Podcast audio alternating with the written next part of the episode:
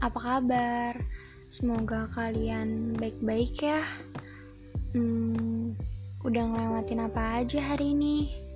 Tentunya udah banyak banget kan?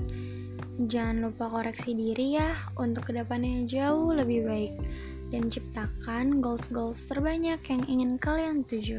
Semangat! Um, pembelajaran hadir dengan banyak hal, melihat, mendengar, berbicara, merasakan, membantu, mengorbankan, mengikhlaskan. Semua konteks tersebut tidak terasa semua yang terputar setiap harinya. Yang kita lihat belum tentu sama dengan yang dilihat orang lain. Begitu berulang dan berputar setiap waktu yang terjadi. Nggak usah takut, terus melangkah. Memang banyak mulut yang menertawakan tentang apa yang kita alami. Coba deh mikir, terkadang omongan dan cercaan orang justru itu yang membuat kita bertahan. Tanpa disadari, hidup memang selalu tentang cercaan dan pujian yang ngebuat setiap harinya ngerasa mau belajar dari kesalahan. Hmm, don up hidup emang berat banget gak sih? Mungkin ada yang mikir kalau gue hidup gak berguna, selalu aja ada yang gak suka. Shh, up, gak ada hidup yang gak berguna. Itu semua tergantung dari pola pikir yang bekerja.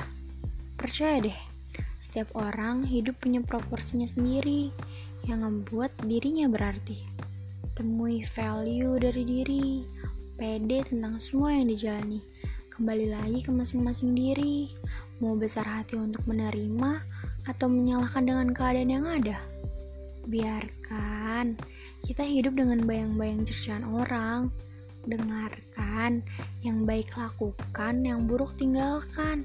Sekarang, besok, ataupun lusa, cepat ataupun lambat, semua omongan, cercaan, dan ejekan pun berubah akan kepuasan untuk menyambut keberhasilan. Semangat, karena kepompong butuh proses untuk jadi kupu-kupu yang indah. Hmm, dah, sampai jumpa di podcastku berikutnya. Ingat, jangan mudah letih, tetap semangat, dan jangan lupa senyum untuk tebarkan keceriaan.